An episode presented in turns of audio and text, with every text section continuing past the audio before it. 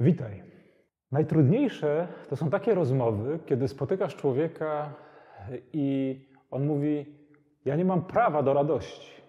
Po tym, jak skrzywdziłem tego człowieka, nie mam prawa do radości.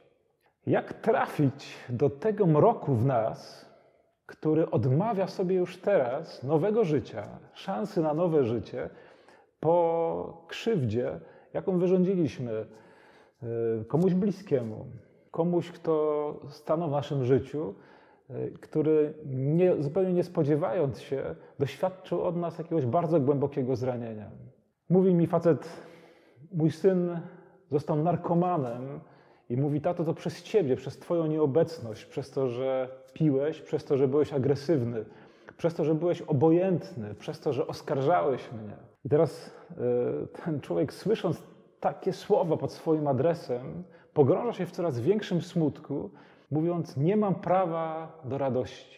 Uczyniłem krzywdę, zło mojemu synowi, nie mam prawa do radości. Dzisiaj chciałbym, żebyśmy spotkali się z Dawidem, który jest człowiekiem no, mającym krew na rękach. Kiedyś mówiliśmy o Dawidzie. To jest człowiek, który bardzo wiele osób pokrzywdził i to głęboko.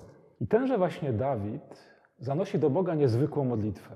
On mówi: Panie, spraw, abym usłyszał radość i wesele. Spraw, abym usłyszał radość i wesele. Niech się radują kości, które skruszyłeś. Dawid jest już zmęczony tym poczuciem winy, tą świadomością krzywdy, bo to nie jest neurotyczne poczucie winy. On ma świadomość, że naprawdę kogoś głęboko zranił.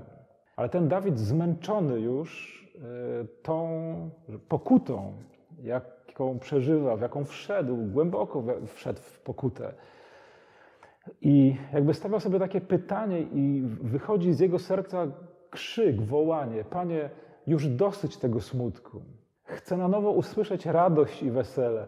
Nie chcę dzień za dniem słyszeć gdzieś z zakamarków mojej historii tego skowytu bólu, tego skowytu poczucia winy e, za krzywdę, którą wyrządziłem drugiemu człowiekowi.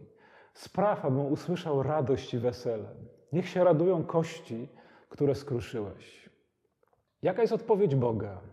Odpowiedź Boga przychodzi poprzez zapewnienie o przebaczeniu.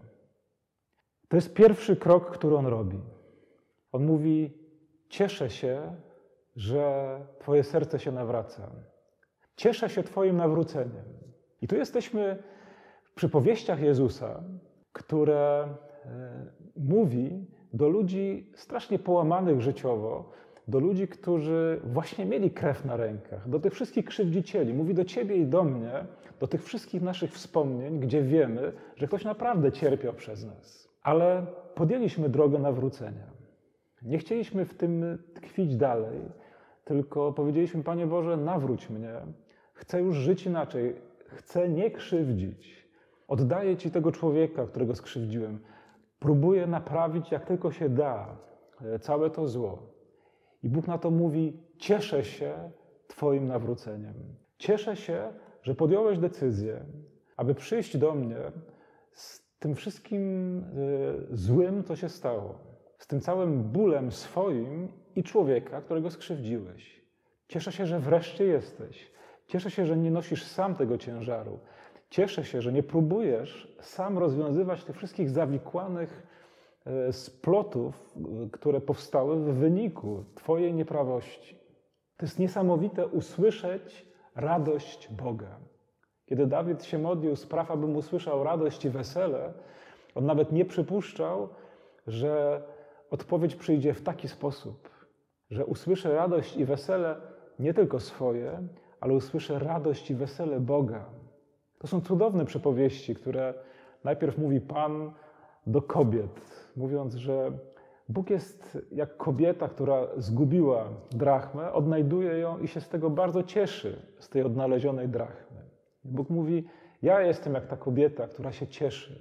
Potem kieruje do mężczyzn swoje słowo, mówiąc: Ja jestem jak pasterz, który cieszy się z owcy, która się zagubiła, ale się odnalazła. Mam ją na swoich ramionach. Jest możliwy nowy początek. Ta owca może usłyszeć moją radość, może poczuć tę radość. Ta radość staje się nowym początkiem. To jest radość z tego, że będzie możliwe odbudowanie tych wszystkich ruin.